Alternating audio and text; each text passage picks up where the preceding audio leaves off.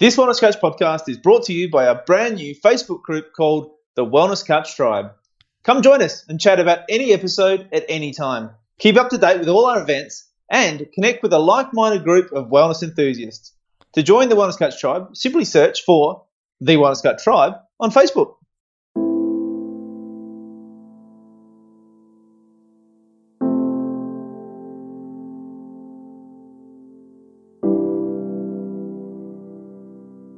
Welcome to Nourishing the Mother, where inspired women talk about the journey of motherhood through the common thread of parenting, relationship, and sexuality as a path to consciousness.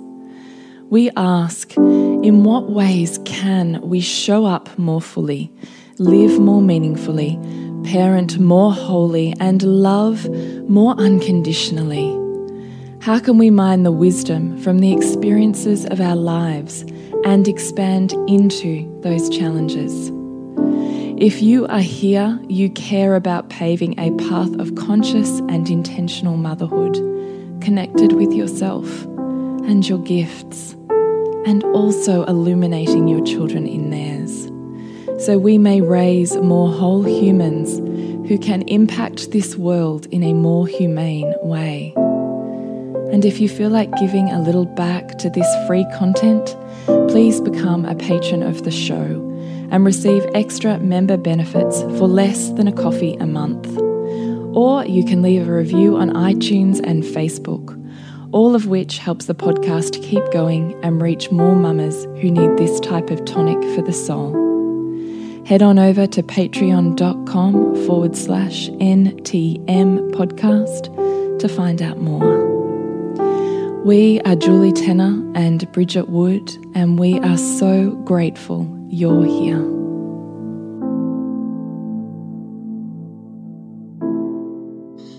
Hello and welcome to Nourishing the Mother. I'm Bridget Wood. And I'm Julie Tenner, and today's podcast is Baby and Toddler Sleep with sleep consultant Sophie Acott. So soon we'll cut over to a Skype call interview with her, which is full of so many pearls of wisdom when it comes to baby sleep and our own sense of emotional safety and dynamic within that. Yeah. So just be aware it is a Skype call. There will be a little bit of drop in and drop out. So please just, you know, hang in there for that. And we would really love to hear, as Sophie would, what you gained out of the podcast. Mm. Before we do that, I'd love to remind you to jump onto nourishingthemother.com.au and on the homepage, sign up to join our tribe so we can shoot you off an email once a fortnight with everything we've put out in the world so you don't miss anything and you can pick and choose where you'd love to dive deeper. Mm. So without further ado, let's get into our podcast with Sophie yeah. Acott. So a little bit about Sophie. Sophie is a certified sleep consultant, parenting coach, home birth enthusiast, and conscious parenting advocate. After working with families for many years using traditional behavioural methodologies, Sophie recognised that there was something amiss. Existing mainstream cry it out and no cry sleep training techniques lacked sustainability and failed to acknowledge the inextricable link between the parent child connection and sleep challenges. Not only this, but there were limited methods that could empower parents with the tools and confidence to overcome sleep challenges as their children evolved beyond the baby and toddler years. After being introduced to parenting by connection in 2015, Sophie began applying the fundamentals of how children's emotions work and the various parent child connection tools to her sleep practice, with outstanding results. Sophie maintains that sleep is a biological and emotional process, not a behavioural one.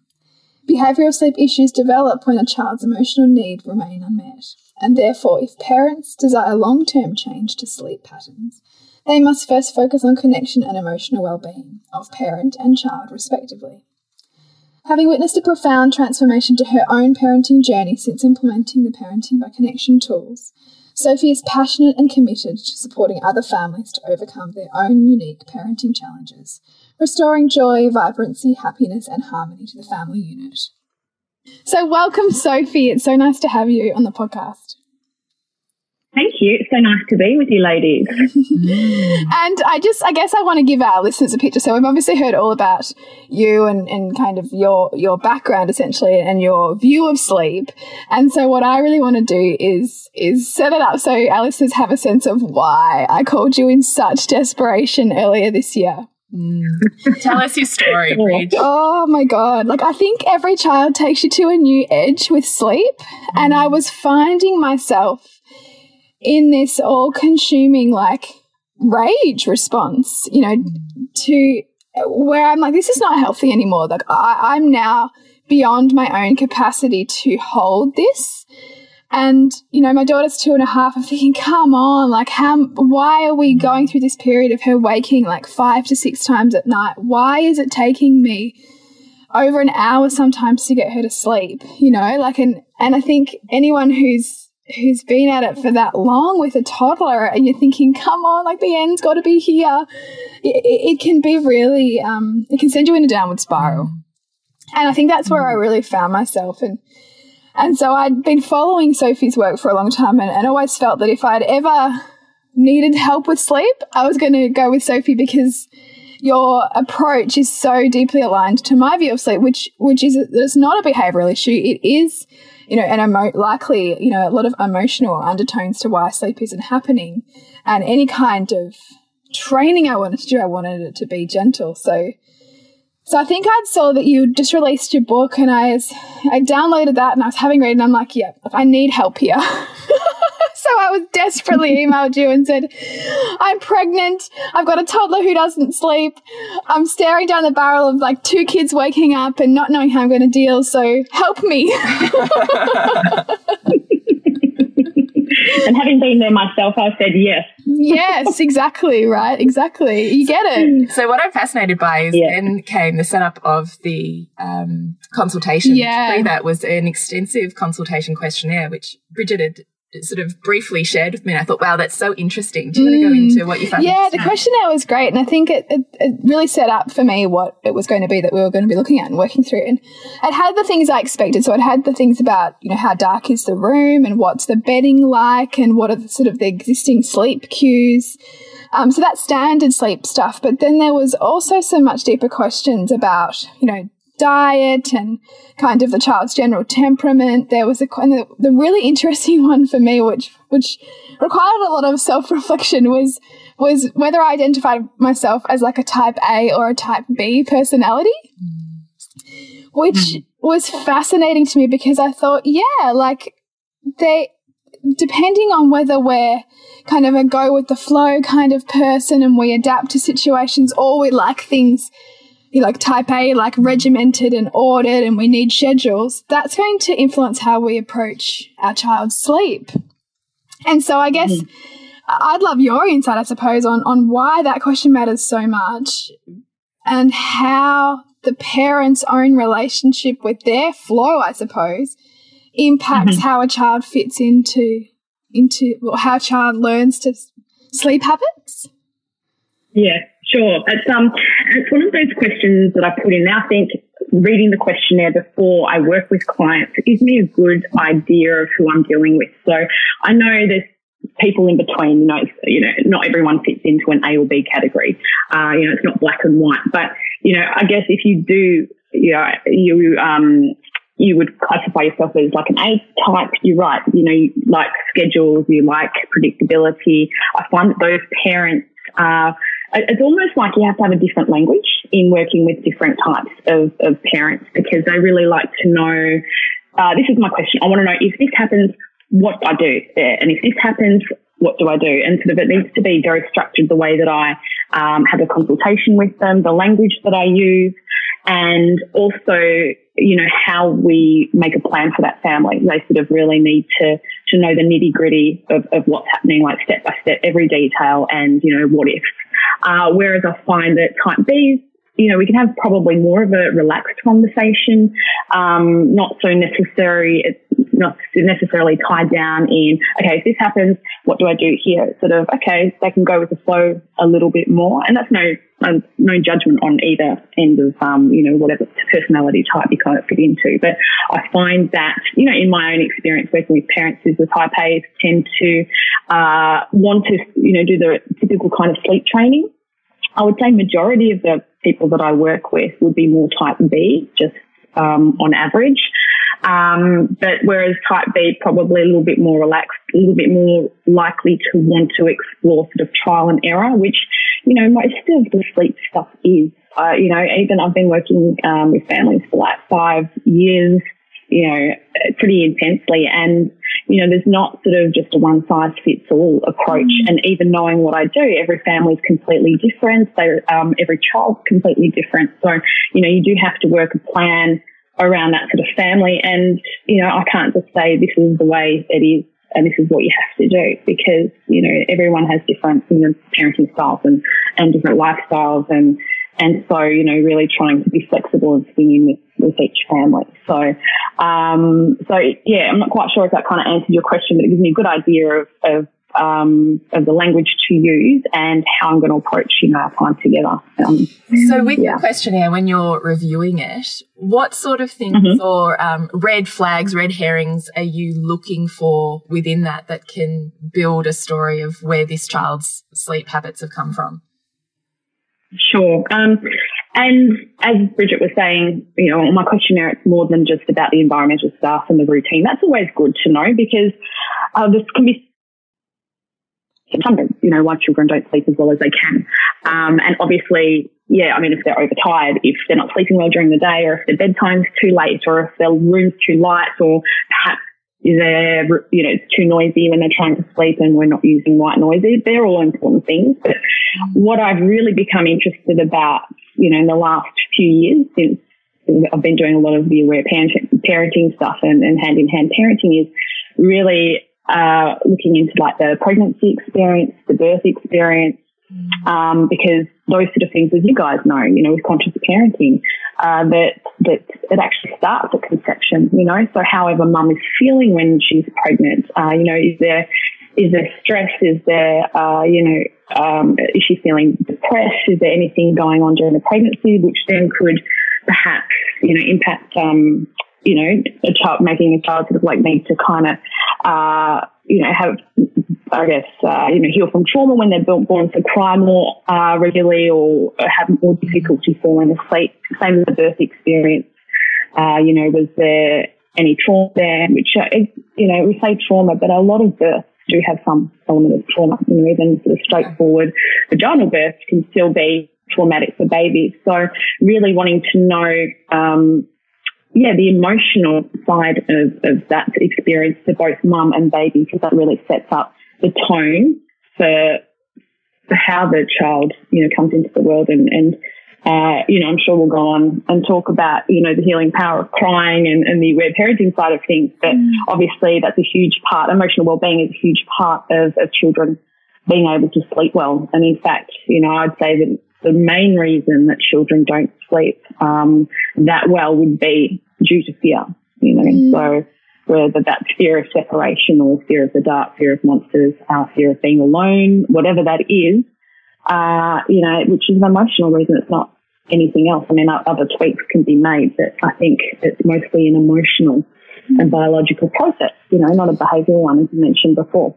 And I mean, fear is an, uh, sorry, sleep is an enormous separation, isn't it? It's the biggest separation that babies and children will likely go through in their day because they're, they're having to let go into an enormous vulnerability to be sleeping, you know, on their own or even, um, even with assistance. It's, it's, a, it's a, it's a, big thing. Well, it's a letting go, isn't it? It's a letting go, yeah. And if you are running an anxiety, you're wanting to be in control of that and being able to surrender and let go is a scary process. Yeah. I mean, I think a lot of our listeners would really be, would really be tuning into your approach and looking for that more holistic picture of why sleep might not be happening. But I wonder, is, is that an education process for you with your clients or, or, or are most of them kind of yeah. quite, quite, um, you know, well versed in it? Well, it's interesting actually. This has been something that I have been feeling for a long time. Um, you know, I what I do with my own children, I mean, I, I co-sleep. I've kind of you know fallen into feed to sleep patterns with all my children. Uh, you know, done everything that I you know help my clients overcome. Pretty much is what I do with my yeah. kids.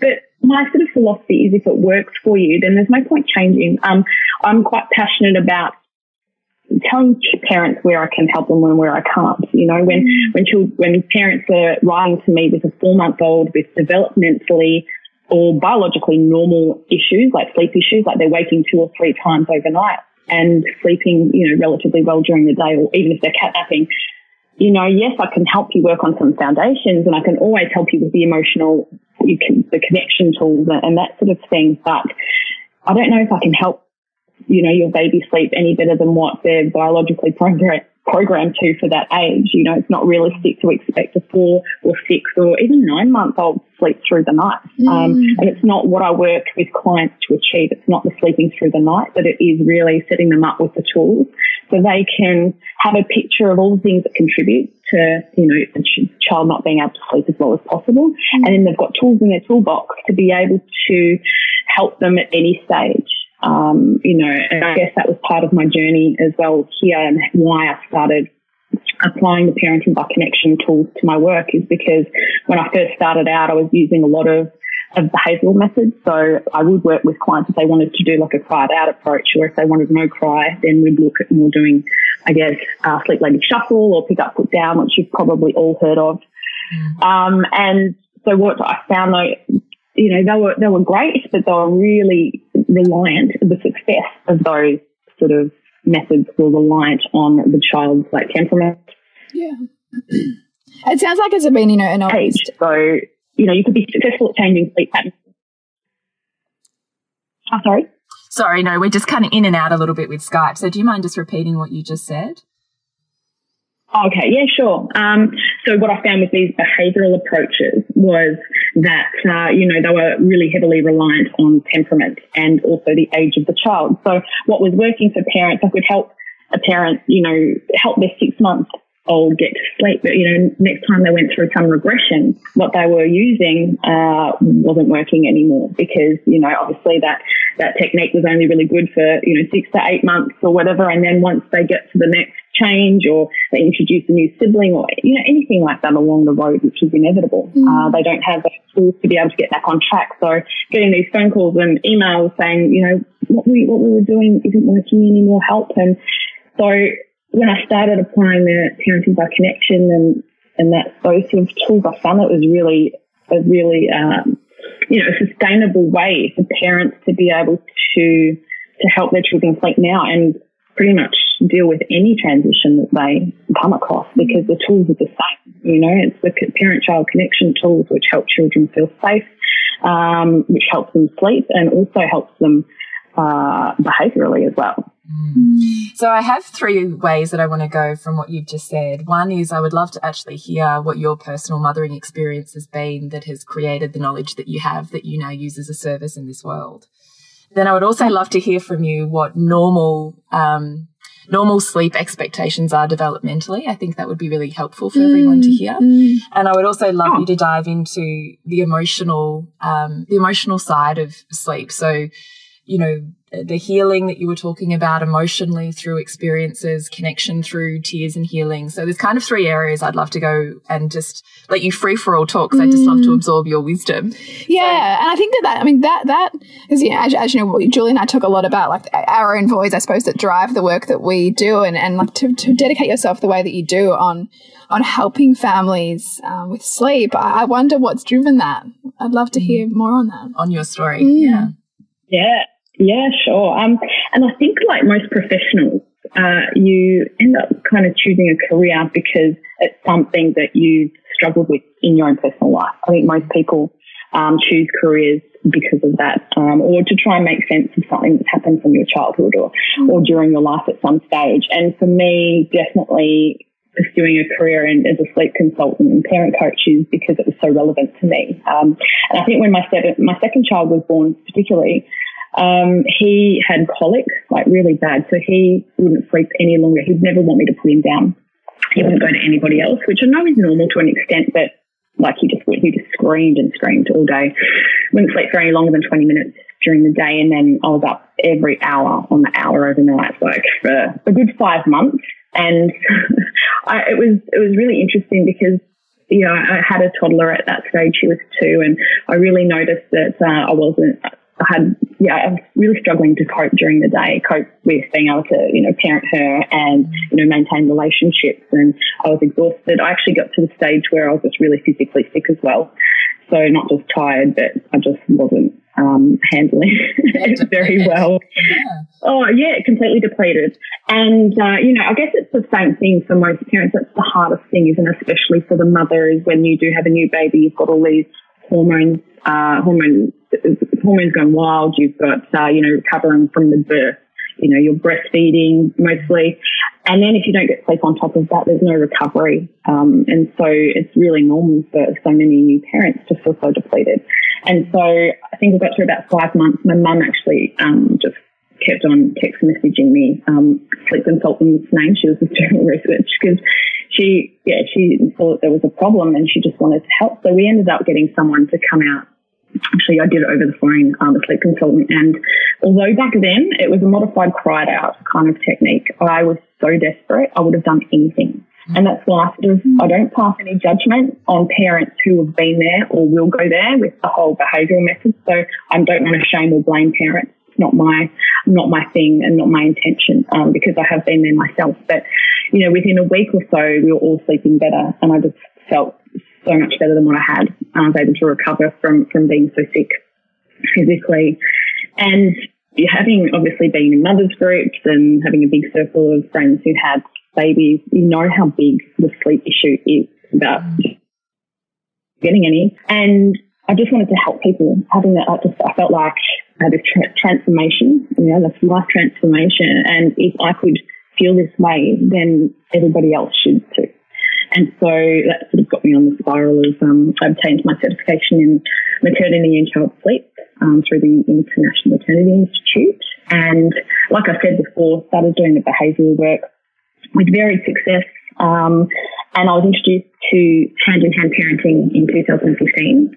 Uh, went on to do my instructor certification, and I started applying all of those, all of those tools to my work, and just the turnaround in not only sleep but the emotional well-being and the connection of the family was just something that um, that was just I never achieved prior to that. Uh, you know, yes, I could get babies to sleep, but like just having reports, having parents, you know, write to me, just, you know, you've changed my parenting experience and wow, you know, you've changed the way our parents forever and just, you know, being able to, you know, pass on these tools to parents to really be able to connect with their children. And while I was able to obviously strengthen the bond with my children and, and learn all the things firsthand as a mother was, uh, was, yeah, life changing. Mm. So, so that's sort of the journey, how I got to where I am. And now I still, you know, you um, yeah, a lot of the aware parenting too, because, uh, you know, Aletha Solter, I know you guys are heavily into aware parenting, so it's very aligned. I think, you know, the same similar philosophies, I think, isn't it, with uh, hand in hand parenting. Um, but, you know, in talking about that, do you mind if I jump to the emotional? You wanted to know about the emotional? No, go, I really do. But I was also, if you don't mind me yeah. just interjecting, I was also interested no. in what, as a, um, a practitioner within the hand in hand, I was interested in what you see as, um, I don't know, the, the philosophical cornerstones of hand in hand style of parenting and those of aware parenting and what you see as yourself moving between them. Yeah, sure. So um, my my study has been with um, with hand in hand, and so a lot of the I'm not hundred percent. You know, obviously, I'd love to do it for my certification with aware parenting as well. That's sort of like my next thing. Yeah, yeah. but I guess but the course been very similar in the way, and I just think there's different terms of, of, of um, or labels, if you like. So I guess aware parenting has attachment play, whereas uh, you know, hand-in-hand parenting they do like play listening, um, they do um, so it's that sort of thing. Like, and I'm sure that, um, you know, both in like the quality one-on-one time, so special time hand in hand calls it, um, as well as the listening partnerships for parents. So I think they're both aligned in, you know, that we need to support parents. Um, what I liked about the aware parenting approach is something that I'm really passionate about is, you know, the actual healing from trauma, which I found, um, is more covered uh, in detail with, with elite, elite, Aletha's work as yeah, opposed to um, studies. Like it's still really, um, both of them are aligned with allowing children to express their emotions while we listen, uh, you know, positive discipline instead of punishment and, and that sort of thing. Uh, but I think where, yeah, where I'm really interested in is the, um, is the trauma. Yeah, it's a good, I would love to hear about that. Yeah. Yeah, yeah. So I guess, um, you know, as I was sort of saying before that because sleep is generally yeah, an emotional and biological process, not a behavioural one, really hard to change sleep patterns long term with like behavioural approaches and, and they're sort of anything from no cry to, to the other end of the spectrum, which is cry it out. So, um, so what I've learned is that, you know, children need to feel safe. If they feel safe and they feel connected to their parents, um, and look, it's not possible. There's things that happen in daily life that, that cause us to have some kind of disconnect or we can't be, you know, constantly connected to our kids. Um, but when they are generally feeling safe and connected, they can sleep as well as what they can. And that's, you know, obviously with all the other things involved, if, you know, if they're ill or if they're teething or, you know, you know yourself as mothers, how many things are always going on. But I guess if we can cover that fear thing, we can have them sleeping as well as what they can, you know, all other circumstances um, covered. So um, for children, um, need, we were talking about birth before, and so if there is birth trauma, the way that children express their feelings or heal from trauma is to cry. And I think in the early days, until they can learn to communicate, and I think once they get to sort of 12 months and beyond, you, you notice they have ten, um, sorry, tantrums and that sort of thing as a way of kind of trying to offload their stress and tension and communicate you know, that, that perhaps they're not happy or they're feeling unsafe. Young children, really their main method of communication is to cry.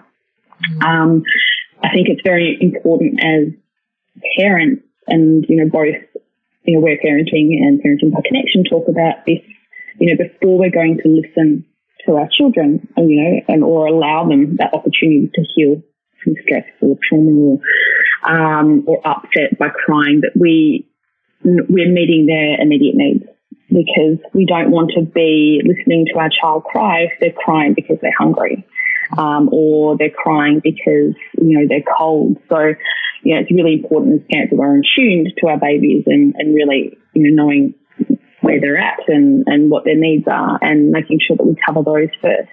But sometimes you know and like most of the listeners would be parents. Sometimes you've gone through everything. So baby's crying and they've been fed, they've been burped. Uh, you know that they're not too hot. You know they're not too cold.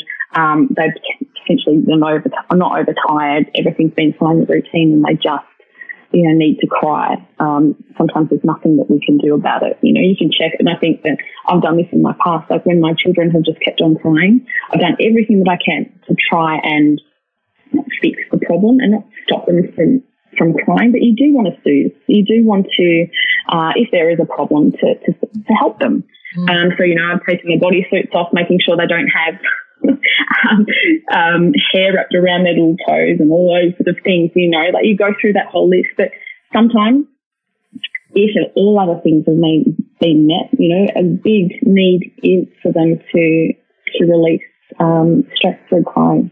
Uh, same as we have stresses throughout the day or upsets, you know, children experience the same things. Um, even, you know, loud noises can, can frighten young children. So they might, um, they might cry to offload that stress, um, or the, the sort of the confusion of, of that loud noise. So, um, so, you know, allowing them to have that release, um, without trying to stop them is, um, you know, how they basically offload all of that tension.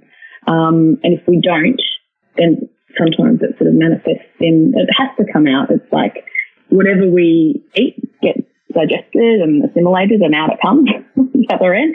Same with emotions. So anything that goes in has to be kind of processed and eliminated or released in order for them to sort of maintain emotional equilibrium as far as their physical equilibrium, if that makes sense. Um, so when saying it that way. Sorry. So when you're working with parents and they're coming to the point of putting their baby down and there's there's crying that's come out of that that actual process of bedtime, do you how are you factoring that in? What what advice are you giving parents in in how they're approaching sleep and their child with that sort of yeah. pre bed um, time? Sure. I mean, it depends on the age of the baby and it depends on, um, you know, like have all their needs been met, you know, and why are they crying? Why does the parent think that they're crying? And, you know, parents' intuition is strong. You know, like you normally have an inkling or, you know, a gut feel of what's going on. Um, you know, in the case of um, if you didn't mind talking about, you know, your experience, Bridge, was, Yeah. you know, that you've got an older child, and so you know she can communicate. So you know that she's not hungry. You know that, um, you know, she's she's not cold, she's not hot. You know, all of those basic needs have been met. You've you, you know, you, you're awesome at putting in all the connection during the day. Uh, she's had enough activity. She's eaten enough. So when you do get that resistance at the end of the day, then it's just her saying, you know what, I don't want to go to bed. I don't want to be without you. Um, and that's what she's probably trying to communicate through the crying or the tantrum or the screaming. So knowing that it is an emotional, in that respect, it is, it would be an emotional release and it would be something that you would sit and support her through and just validate her experience. You know, yeah, I know this is hard, honey. I know you don't want to sleep alone, but I'm here and I'm going to be with you. Um, you know, it's, it's so multi, multi-dimensional because children rely on so many different things. You know, so many things that they can rely on. Like it might just be a parent sitting next to them at bedtime, or it might be they rely on the breast to fall asleep. They rely on, um, you know, a bottle or to be rocked, or and there's nothing wrong with any of those. I don't really believe in negative sleep associations as, as such, but the fact of the matter is that if it's not working for you and it's not sustainable, um, and you want to change things, then you do have to stop the thing that you're doing that they need to go to sleep. And when you do that, you're going to be met with resistance and you're going to cry. They're going to say, Hey, I don't like this. You're not feeding me. I've been used to being fed to sleep for two years or, you know, one year or whatever it is. So knowing that you're going to come up with that, you know, the, the, crying is, is completely normal, completely healthy. And, um, you know, so long as we know. And it's, it's easy to know that if you've fed your, your child before bed and then you take them off the breast prematurely to try and, you know, create some sort of space or get them to, you know, to transition to in, independent sleep, you know that when you stop doing that, the cry isn't because they're hungry, because they've just been fed. Um, and so you can go, go through all of the other external factors in your head. Are they cold? Are they, you know, but it's pretty obvious with, with children when they're old enough, uh, that when, when they're crying to Open up the express it and need. start to Yeah. the. Yeah. Yeah. Can I just ask you Um, a couple yeah. of basic parenting things? In terms of temperature, I've always struggled to work that out. How do you know if your baby slash child is too hot or too cold? Yeah. Yeah, you know what? It's, it's one of those things that, like I said before, trial and error. Because, you know, I've got a bedding guide in the book, and, and I think that, you know, that works the majority of the time. But how many different climates have we got everywhere? And, and, you know, from one day to the next, especially living in Melbourne, I used to live in Melbourne, it was impossible because one day it's 40 degrees. And the next, and the, that very night, it's, it's down to 17. Yeah, yeah. And so basically, when you put them to bed, they're just in a diaper or a nappy. And then you've got to go in and somehow change them because it Yeah. drops down to freezing overnight. So, um, yeah, I mean, it's a very, it can be a very difficult one. I guess, you know, the signs of being too hot. Uh, I always recommend for parents to dress, like have bedding and clothing that are, you know, organic or that breathe, you know, cotton, not fleece or um, synthetic fibers, because what they can do, they don't breathe, and so children can get quite hot. Um, and you'll notice if they're too hot, that they'll be hot to the touch. It's probably good, like their ears or their chest or the back of their neck um, will get quite hot. Yeah. Um, and then what happens also if they're in synthetic fibers is they can sweat overnight. Then the reverse happens. They sweat and then they get cold. Um, so I guess, you know, natural fibers, um, be- I think it becomes easier the older that they get.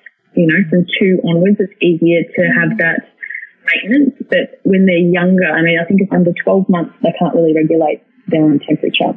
So it becomes really difficult to, you know, I normally say if you can maintain the room temperature and then adjust the bedding accordingly, that's a bit easier than, Yeah. you know, managing they're wearing. And then, yeah, because um, at least you can sort of sleep them in the same thing if the temperature stays the same. Yeah, totally.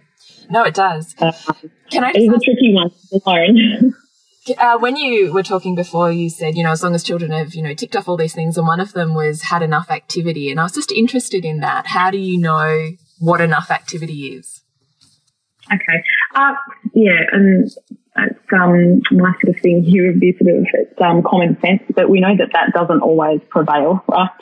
Um, I just mean that you know that they're getting fresh air, that they're getting um, developmentally appropriate like experiences during the day. So I'm more referring to, you know, the days. And the thing is, once you start thinking about the reasons why your child's not sleeping as well as possible, you could think, oh, well, you know what, we've travelled all day today. They've been in the car. They've had no outside play. You know, it's been, or it's been raining all day. We haven't been outside. Um, you know, children who are like trying to grasp new developmental skills, so physical skills, need the time and space during the day to practice. So if they're rolling or trying to walk or those sort of, or crawling, you know, having that time and space during the day instead of, you know, there are some parents who kind of, and, you know, not at any fault of their own. They could have, you know, really busy lives or lots of children, but they rotate them from one apparatus to the next. So you'll find that the child goes from, you know, the high chair into the bouncer, into the baby carrier, then that goes into the car um, to drop, do drop off and into the stroller to go for a walk.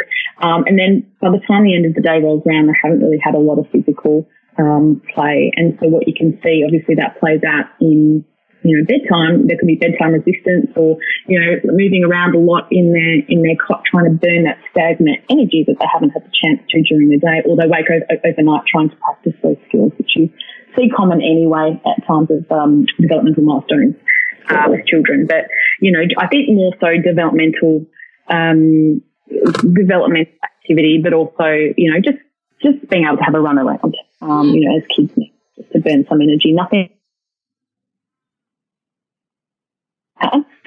Although they do sleep very well after swimming lessons, as every parent can attest.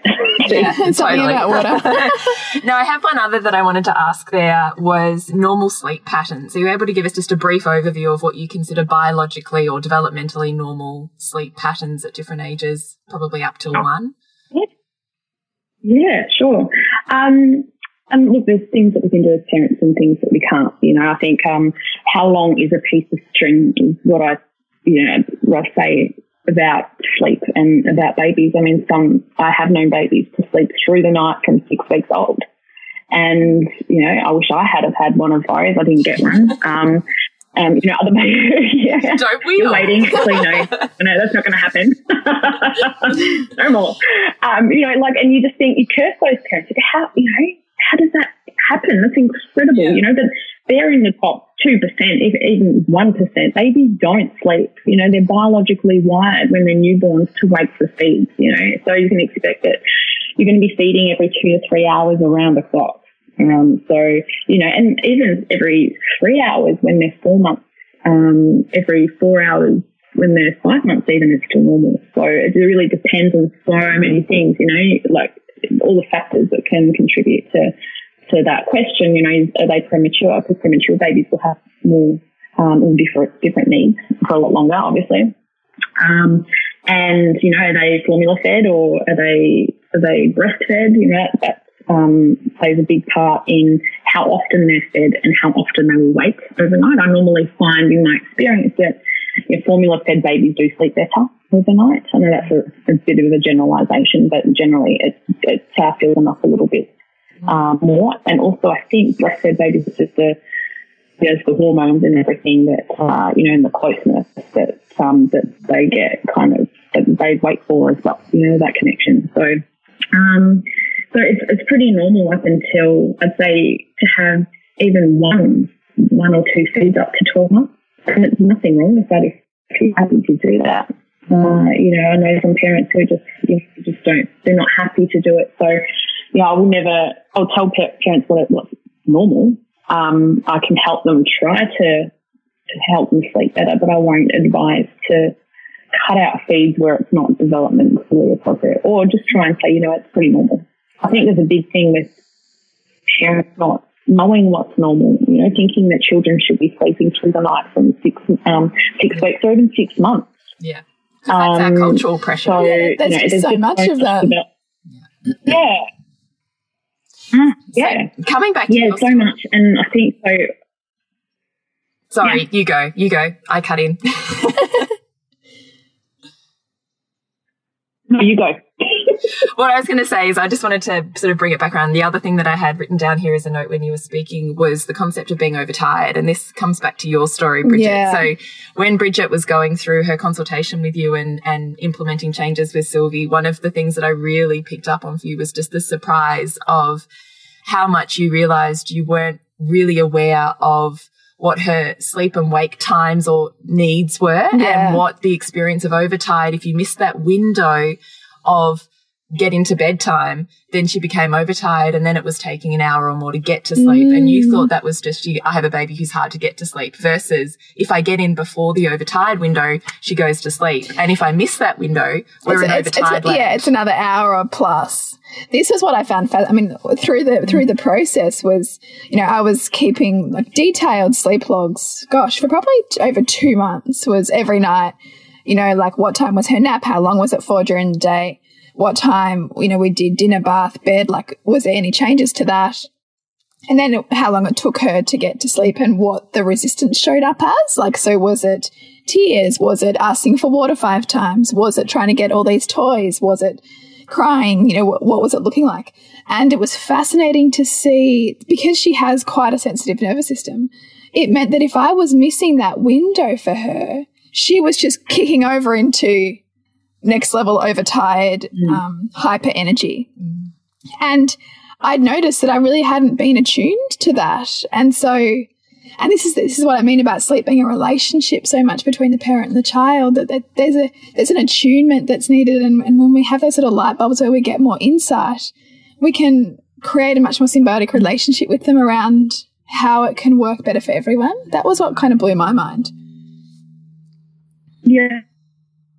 Yeah. And I think, you know, it's just the knowledge, right? So if you know that these are the reasons why a child may not sleep, and the main reasons, you can, it's process of elimination, right? Yeah. So you don't go straight to, if your child's crying and upset, you don't go straight to listening, right? Because they have, might have a real need that they need uh, to have met. So, um, but you know, when you go, okay, over tiredness is a huge factor, um, and the reason being that if children and that window too can be so small, and it's also again trial and error because you can't fit all these children into you know the, the specific kind of um, you know routine windows for each age group. Some children are capable of staying awake for far um, far longer, and others can't stay awake um, for, for long at all. So, you know, trying to find out what fits for that family, and for that child, um, you know, can be trial and error. Mm. Um, but what happens when a child is overtired is that uh, their bodies create cortisol, which is stress hormone, and how that works, that's got a more potent effect on the body than caffeine. And so children, that's where you see them get the second wind and then it becomes a lot harder for them to go to sleep because, you know, they're sort of either uh, bouncing around off the walls, hyperactive, or they're, you know, seriously hardcore, like resisting crying, you know, tears and tantrums because they're so tired. Um, and you know yourself if you've ever, ever had times where you've been stressed and you might be all really exhausted and you think you're going to sleep so well. And the moment you hit the pillow, you're just wide awake, like completely wired, even being so exhausted. You know, like that for, for kids, you know, just um, being completely wired. So um, I think if we can know what factors um, there are, and it's just like the knowledge, like overtired, you know, what's the optimal sleep environment, you know, because obviously a child's not going to sleep. You can do everything else, but if you leave the light on, they're probably not going to go to sleep so well. Um, same as if they're too cold and you know, we were talking about this before, but so many children wake between 4 or 5 a.m. because it's the coldest part of the day. So sometimes that's a dead ringer, like, you know, um, a giveaway. Uh, you know, if you've, if you've uh, actioned everything else, but if they're waking at that time, you know, there are certain things that can, um, that are more likely to be contributing to sleep difficulties at that time, um, which I've kind of included, tried to include in my book. But, you know, again, how long the piece of string, it seems like it's just you know, you don't want to get too obsessed with it, of, of course, um, you know, and knowing it, but just having that, that awareness of, of the things that may be going on and how you can, um, you know, there's things you control and things that you can't. And just, yeah. So, um, you did a great job, Bridget. oh, thanks.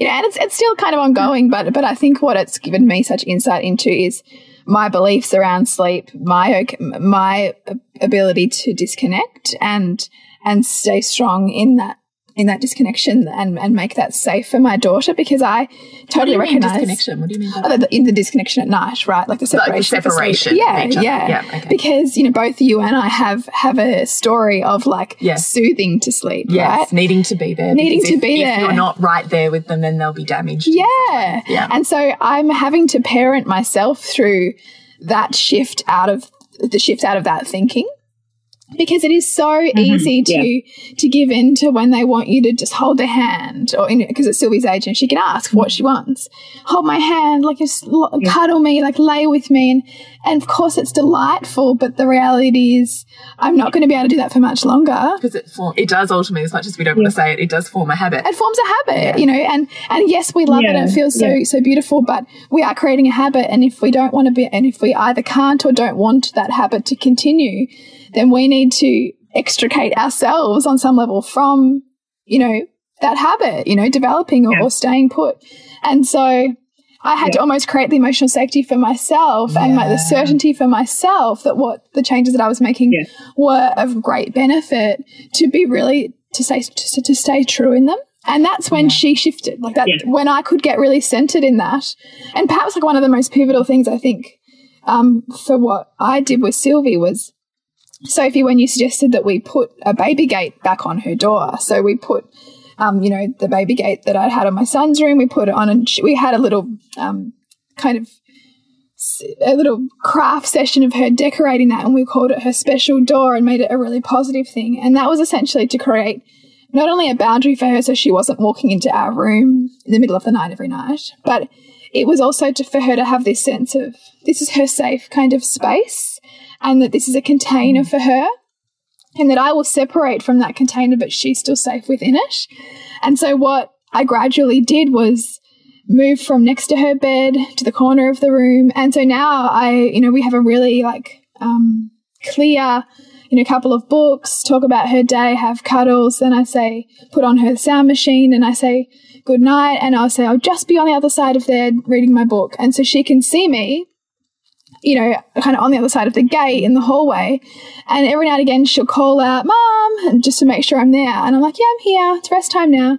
And she's become really comfortable with that as a, as good night, you know, as her bedtime, which I couldn't have dreamed of like when I'd started this a few months ago because she was so needing um, that the physical presence and that, that kind of um, me right in the room, which I was building such a resentment towards because I had no, yeah.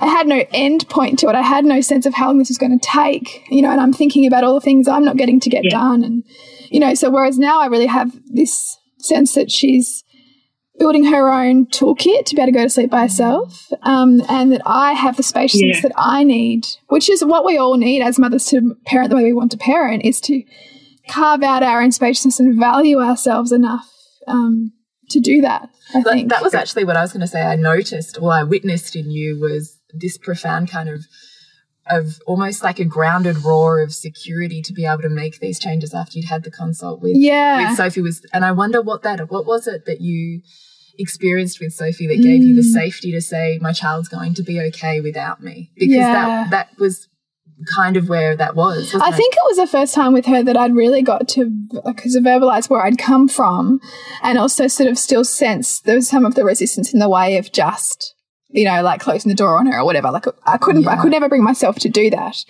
Um, for everything that I know about, you know, emotional well-being and all that kind of stuff. So, but I still had to sit with, on some level, there's a void here in me in, in how I was likely sleep trained um, that is still playing out in my own children.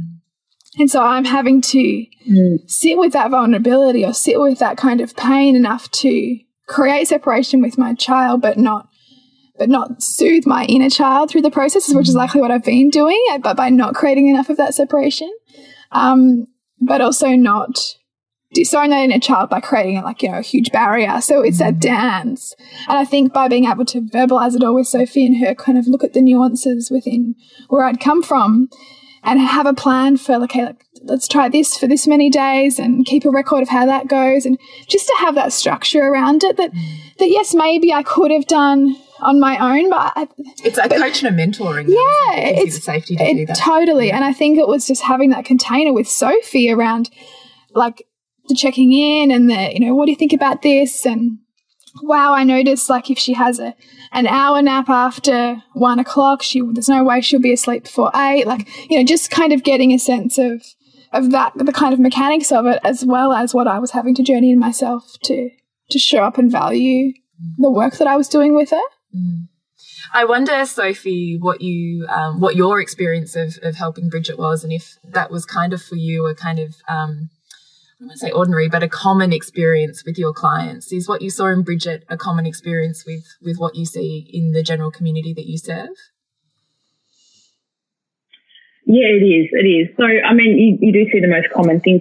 Obviously, personalities change, and you know, you're dealing with a different family and family dynamic and, and other stuff. But the sleep problems are the same. And the biggest thing that I help parents to work with, obviously, or to improve, is to to get themselves away from, you know, to help encourage their children to sleep without them doing something to get them to sleep, mm-hmm. um, if that makes sense. So, um, and you know, bridge when you're talking about ideal clients, I mean, you're my ideal client. And I say that because when I, um, you know, you have that, all that background about children and emotions and aware parenting. So I didn't have to spend, um, you know, the majority of our consultation, which I do with new parents who are new to, to looking at these sort of philosophies.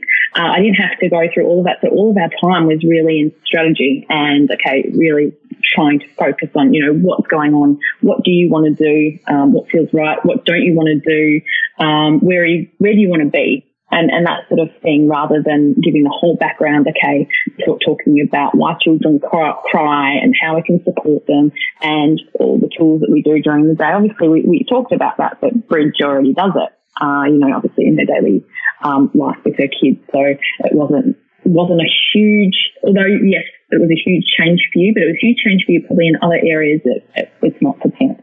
Um, it was more, I guess, that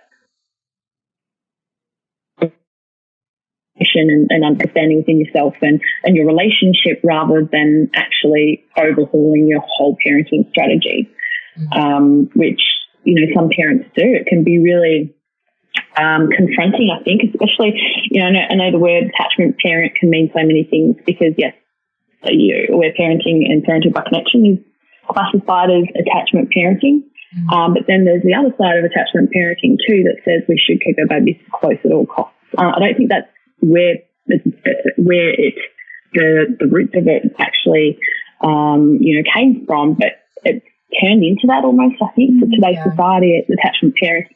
You co-sleep, you baby wear, you feed on demand, yeah. um, and all of those sort of things, which is really interesting. So working with those sort of um, those sort of parents, um, it can be a really confronting process of mm. what I, I, don't have to. I don't. I should stop my child from crying here. I, you know, and, and having that separation um, when they've done the opposite for so long. So, um, sorry, that was a really long-winded answer to, to the question, but yeah, what I found like with Bridget it was it was great to to work with with you having that having that background already, so we could mm. you know really explore um, strategies and stuff in our time. So. Yeah, I mean, I think that that was really pivotal. That the, the fact that I had a real level of comfort in the, you know, her expression and and crying being safe and not something to stop. Um, was was you know it's kind of nine tenths of it into mm. around sleep, but there is still such a process, and having the strategy was was number one for me. And then you know like journeying the relationship stuff, like getting frustrated with my husband because he wouldn't be on board as much as I wanted him to be on board for what we were doing, and navigating what that looked like. And what advice do you have for parents who uh, have different ways of approaching children, parenting, and sleep. So, so where, where yeah, there's two parents with different views, yeah. yeah.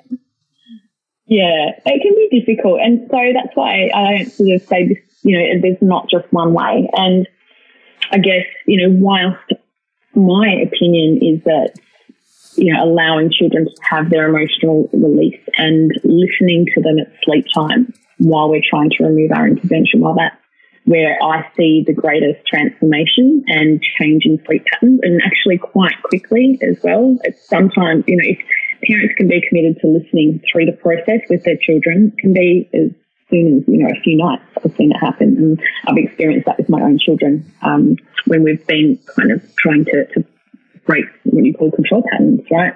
Um, but when you've got, you, you need the support to do that. And so it's, it's very, I mean, I think for any parent, doesn't matter how versed you are in conscious parenting and, and these philosophies, there's still an element that we're being conditioned to not want our children to cry, to, to want to stop the crying. It makes us feel uncomfortable. A lot of us weren't allowed to cry as babies or, you know, we always sort of, yeah, I mean, you only have to see your parents and their parents and the way that they are around perhaps your children, like, oh, don't cry, honey, don't cry. Everyone's like, don't cry. Yeah. and in goes the, in goes the dummy. You know, we rock our babies, we, we put them in the car, we'll do pretty much anything to stop the crying, right?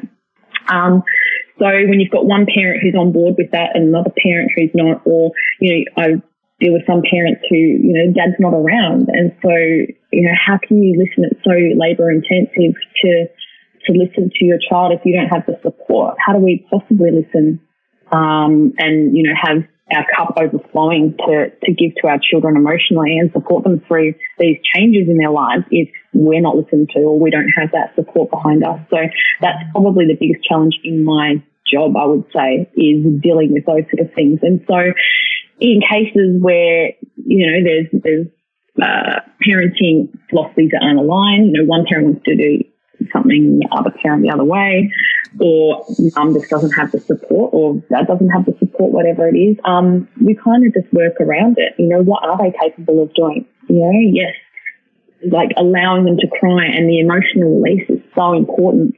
You know, perhaps you just listen for five minutes instead of an hour or 20 or whatever.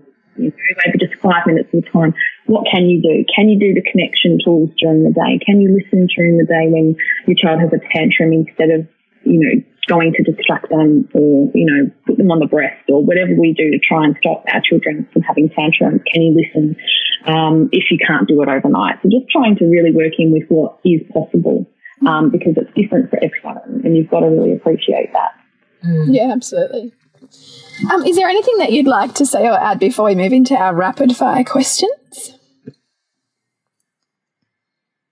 Is there anything, sorry, you that, you, that you'd like to you'd, you'd, like to add? So maybe anything any, left unsaid that yeah. you'd like to leave our listeners with. Um, I think your rapid questions are pretty good, so um, we can probably go there because I think the rest that I wanted to cover is is is in that. Um, so yeah, let's go. Go, go straight into them. Yeah. So, what is the book that has been most influential to you? So maybe it's a book that you gift the most to others. Maybe it's a book that if you could give it to free for every woman in the world, it would be this book. So, what is that book or books for you? Okay, so I'm going to sound really geeky now, but the book that changed my life, and this is don't forget this was how many years ago. I don't even want to think, like over 10 years ago, right? The Secret, right? I just remember that was like, that sent me down a rabbit hole of like, holy, holy, you know? You can like swear, what? it's okay. I actually had, holy fuck. That's our first I fuck for the episode. All over my freaking mind yeah.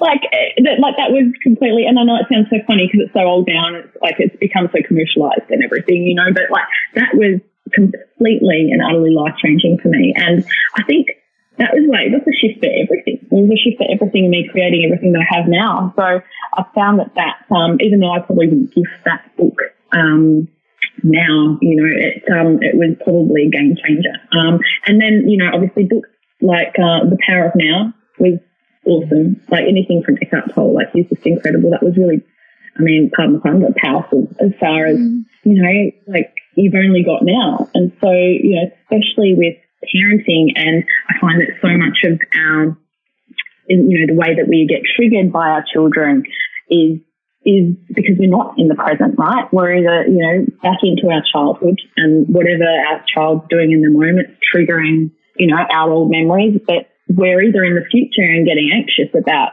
perhaps, you know, if we don't set punishments, our kids are going to turn into little assholes. So mm-hmm. fear of, you know, not, you know, not setting boundaries, not yeah. punishing going to turn into entitled assholes. Or we're kind of, you know, shit scared from what's happened in our past that, you know, we kind of flip out and lose it. And then, you know, obviously, you know, it goes, goes south from there. So, mm. like, that was, I think, instrumental in, you know, and then, oh, there's, I mean, how many do you want to talk about? Aletha Solter's books, you know, like The Aware Baby. I mean, that's probably a really good place to start for any parent. You know, mm. I've tried to that, that's a really good one for learning just from birth, you know, what babies need and, you know, how to heal and the importance of crying, why children cry, how we can support them. Um, I thought it was a really good newborn kind of book, and I wish I had have read that a lot earlier. Um, so that would be probably one that I would gift um, to new parents. And Listen by Patty is always also a really good one as well. Just released that years ago. That um, you know just goes through certain things and you know common issues like whether it's sleep or behavioural stuff. You know if it's aggression or um, biting or children not wanting to share and shares the tools and what you can do in each um, kind of scenario. So that's really useful. Uh, yeah, so, I mean, and there's another 50 that's on my bedside that with four children, I'm never going to get chance to read. So, um, I just have to like flick through pages or try and like download on, on my phone and like try and read the snippets while I'm breastfeeding the baby. Mm. Yeah. Next one is Can you recall an immense challenge in your life from which you have gained enormous insight or wisdom? And walk us through what the aftermath and the learnings have been for you. Yeah, this is a good one. So I would have to say the biggest challenge, and I know parents have, had so many, but um, would have been probably picking up. And I used to live on the peninsula in um, the Mornington Peninsula in Victoria, Australia, and I moved to with our family to San Diego two and a half years ago. Fell pregnant three months after moving here, and that was like a bombshell because obviously first time being away from family and my really close friends didn't really know anyone here, and all of a sudden you've got a fourth baby on the way. Um, and yeah, I won't lie, I cried. I cried a lot. And what it really, you know, that the whole process actually, it it made me realize how important it is to have support and, you know, setting up, you know, support networks and, and friendships. And, um, you know, I was, I studied the hand so I established a, a group of, of mums at my, my son's preschool um, to do listening partnerships and everything like that. Um, you know, and just, just, I mean, support everything. I, I had, um, a pattern actually, and you know, like one of your, your good old friends that kept on popping up It was, um, you know, I'm not worthy or I'm not good enough. And I know that I'm not the only one that has that sort of pattern, but mm. it was a really interesting one because I, in having that pattern, I would never want to ask for help. Um, I would never want, I wouldn't want to see it. I would feel like I was weak or I feel like I was bothering people. I wouldn't say yes a lot, so people would offer to help me and I'd say no just because I felt bad or I was worried that I wouldn't be able to return the favour, all those sort of things. And I, yeah, I did some serious work on that when I was pregnant because I knew I had to. My family wasn't here. Um, and to bring another child into the world and also parent the way I wanted to with my other three children being away um, for like separated by such a distance from, from my family. Um, yeah, I had to say yes. I had to say yes to, to play dates. I had to say yes to please bring over food. Um, please pick up my children from school. Please just listen to me as I cry. Um, and that was, yeah, that was life changing actually. I do remember that, that, that period of just like, you know, being able to heal that, even if there's still more there, but healing that kind of pattern has been huge. Can I ask Sophie how you did that? Because what I hear, I do a lot of women's work, and what I hear from a lot of women is how insecure or intimidated they feel to create deep, rich relationships with the women that are in their community that they might otherwise judge, like, let's say, school mums who are, you know, not necessarily their peeps or they know don't share the same philosophical underpinnings. And yet you've stepped beyond that to transform those relationships into the camaraderie of, of women and through the common journey of, of listening partnerships and motherhood. How did you do that being a foreigner in a place with no roots, no connections? How did you actually do that? Well, my son goes to like an organic preschool, if you will, and like so they're my kind of people. Like already, I sort of knew, you know, and that's why we chose the place. But you know, the lady who runs it, she's just amazing, and all the parents were very much aligned. Um, you know, in the sort of I guess natural parenting you'd call it. Um, I actually, because I was doing my hand in hand certification, so what I did is I um, I ran a a workshop, a six week workshop um, and I didn't really know them that well, but um, I said, look, I'm running this parenting by connection workshop.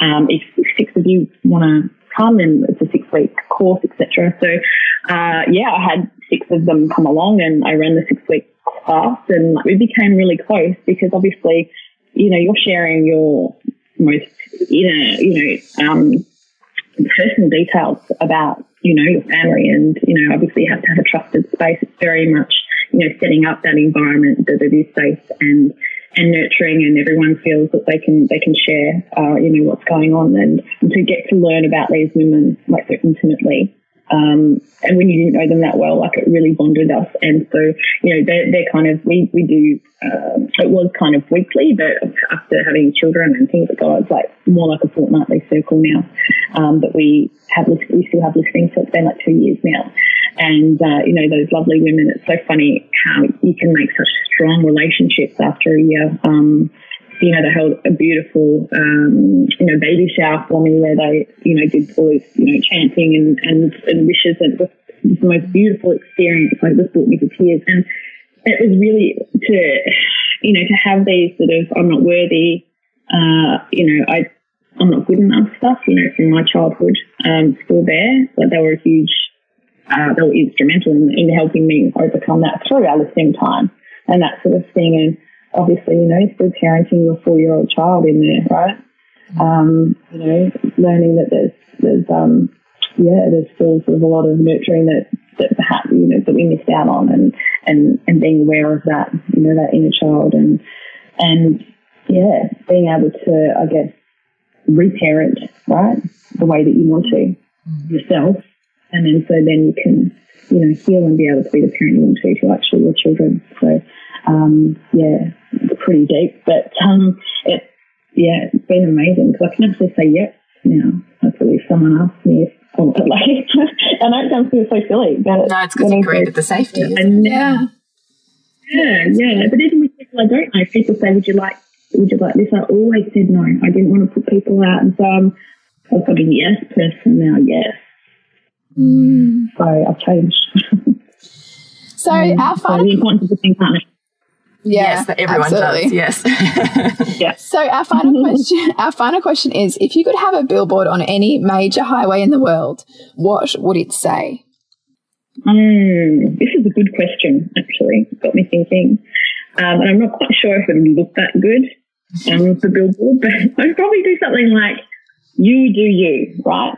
Like, yeah. I love that because it's, I don't know, I, I, um, I think that in this day and age, there's just so much shaming and blaming of parents for, for opposing, you know, parenting styles. Like it's none of your business, right? You do you. Concentrate on you and your family and whatever, you know, Mary down the road is doing with her children is completely up to her. If it's not affecting you, um, then it's not really worth commenting on, right? Mm-hmm. And and you do you as far as like you know your baby best. You know, if you're happy to, and this is where I have to, you know, it's almost like a disclaimer. You know, yes, I'm a sleep consultant. Yes, I talk about improving sleep patterns, but only for people who want to create change. Only for, for people who aren't happy where they are. Like I would never tell a mother to stop feeding or that she should night wean her child at any age. It's up to you. If you're happy, keep doing it. If you're happy feeding your two year olds sleep and feeding them three times or four times overnight, then you don't need me. You don't need any help. Um, but being able to tune into that and if you're happy doing it and genuinely not thinking about what you should do or what others are saying you should do, but what you want to do and what is right for you, your family and your baby, then do that. Mm. You know, you, you should about the judgment of anybody else. And I think we all just need to be, as parents, more understanding um, more accepting of other parents. And, mm. you know, like that's the same sort of thing with, with cry it out. I don't believe in it and I don't do it with, you know, my children. I know I said that I did with my second, but, you know, like I don't do that anymore and I don't do that in my, in my work. But if it, if that's what you need, you know, I've known people who have done cry it out and it's literally been the thing that saved their marriage. Like, do I tell that parent that, you know, you should have done that and that, you know, their child is going to be damaged or something. Like you just don't. Mm. You know? Yeah. So you don't know everybody's individual circumstances. We've all got different things going on and different levels of support and bandwidth. So yeah, you do you, let others do the same. And I think that would make us a much happier, harmonious world, really. Mm. I think that's beautiful. I love that. It's a beautiful one to end on. So, Sophie, we have used so much of your time up. We're so grateful that you have spent the time with us. And I know, well, I've witnessed, not experienced, but witnessed what a profound change your um, impact on Bridget has been. Yeah, it's been amazing. So, thank you again, Sophie. Oh, thanks, Thanks to work with you. Are you able to give us a wrap up of where our listeners can find you and connect with you? So I am um, I'm on Facebook, which is just um, Sleep Play Love Co. Same with Instagram. Uh, you can always shoot me an email if you wanted to. It's Sophie at sleepplayLove.co. Um, I've got my book on Amazon. Um, I'm giving you guys the link there, but it's called Sleep Play Love, so name of my business. And uh, my website is www.sleepplayLove.co. So that's given you a few different avenues and um, whatever works for you. But um, yeah, yeah, I'd love to hear from you if obviously uh, what you're doing isn't working and you want to create some change long term. Mm. Thank you so much, Sophie. Thank We're so grateful.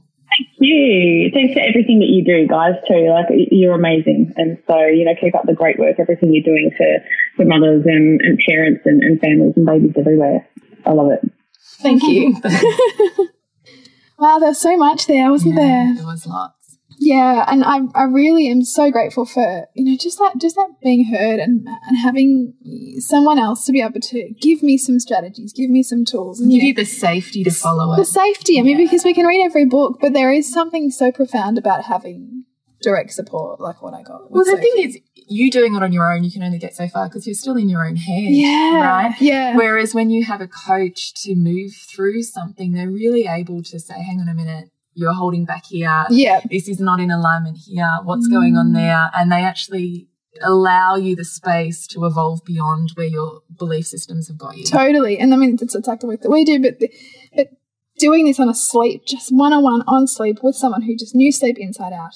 It was just amazing, and and I really hope um, that people can see and feel the change that, that I've got from it because it's definitely deepened my connection with my daughter through it, and it's it's put me back in the driver's seat more around um, the flow in the evenings of my family and mm. and my ability to show up the way that I want to show up in the day. Because mm. I've valued myself enough to see this as important to create change in. Because it wasn't working, you know, and particularly, you know, like staring down the barrel of, of another baby in the home mm. and really needing to know what I need to be able to give out um, was fundamental, and that's what I took into that work with Sophie, and that's what I've got out of it is is that really really nice boundaries now, where everybody feels good, and yes there'll be hiccups, and yes Sylvie still wakes occasionally in the night, but I don't get triggered like I was getting triggered. You know, it's just it's very much, and you're not in the depletion, Not in the depletion. phase, Yeah. which makes such a difference. and it was just so hard to make sense of when you're in that. Yeah. You know, like as Sophie, her own experience was, you know, she was physically depleted.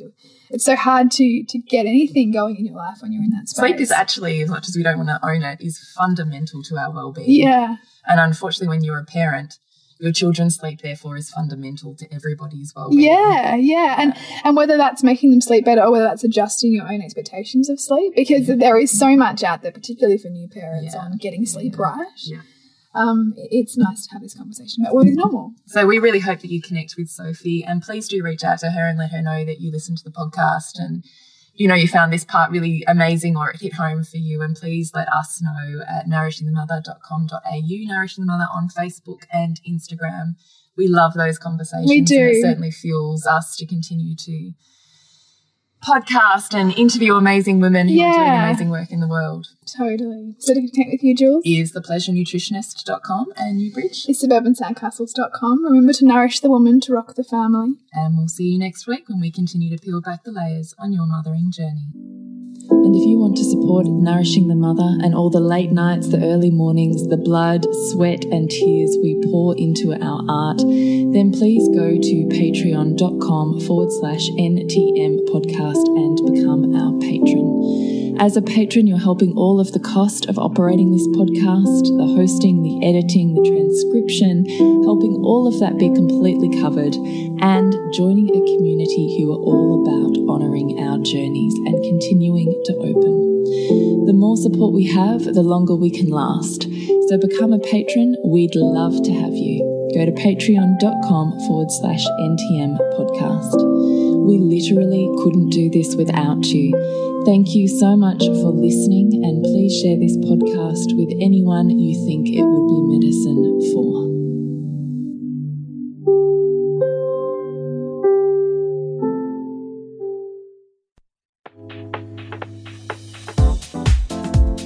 We hope you enjoyed this Wellness Couch podcast. Did you know we've launched a brand new Facebook group where you can chat about any podcast you like with a tribe of like minded people? The group is called the Wellness Couch Tribe, and it's an inspirational digital meeting place to connect you to like minded wellness lovers just like you. To locate it and come join us, simply search for the Wellness Couch Tribe wherever you enjoy Facebook.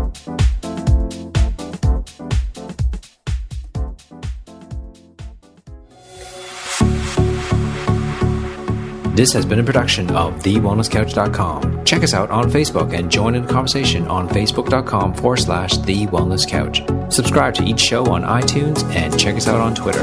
The Wellness Couch, streaming wellness into your lives. Whilst the Wellness Couch presenter endeavor to provide accurate and helpful information to their listeners, these podcasts cannot take into account individual circumstances and are not intended to be a substitute for health and medical advice from a qualified health professional. You should always seek the advice of a qualified health professional before acting on any of the information provided by any of the Wellness Couch podcasts.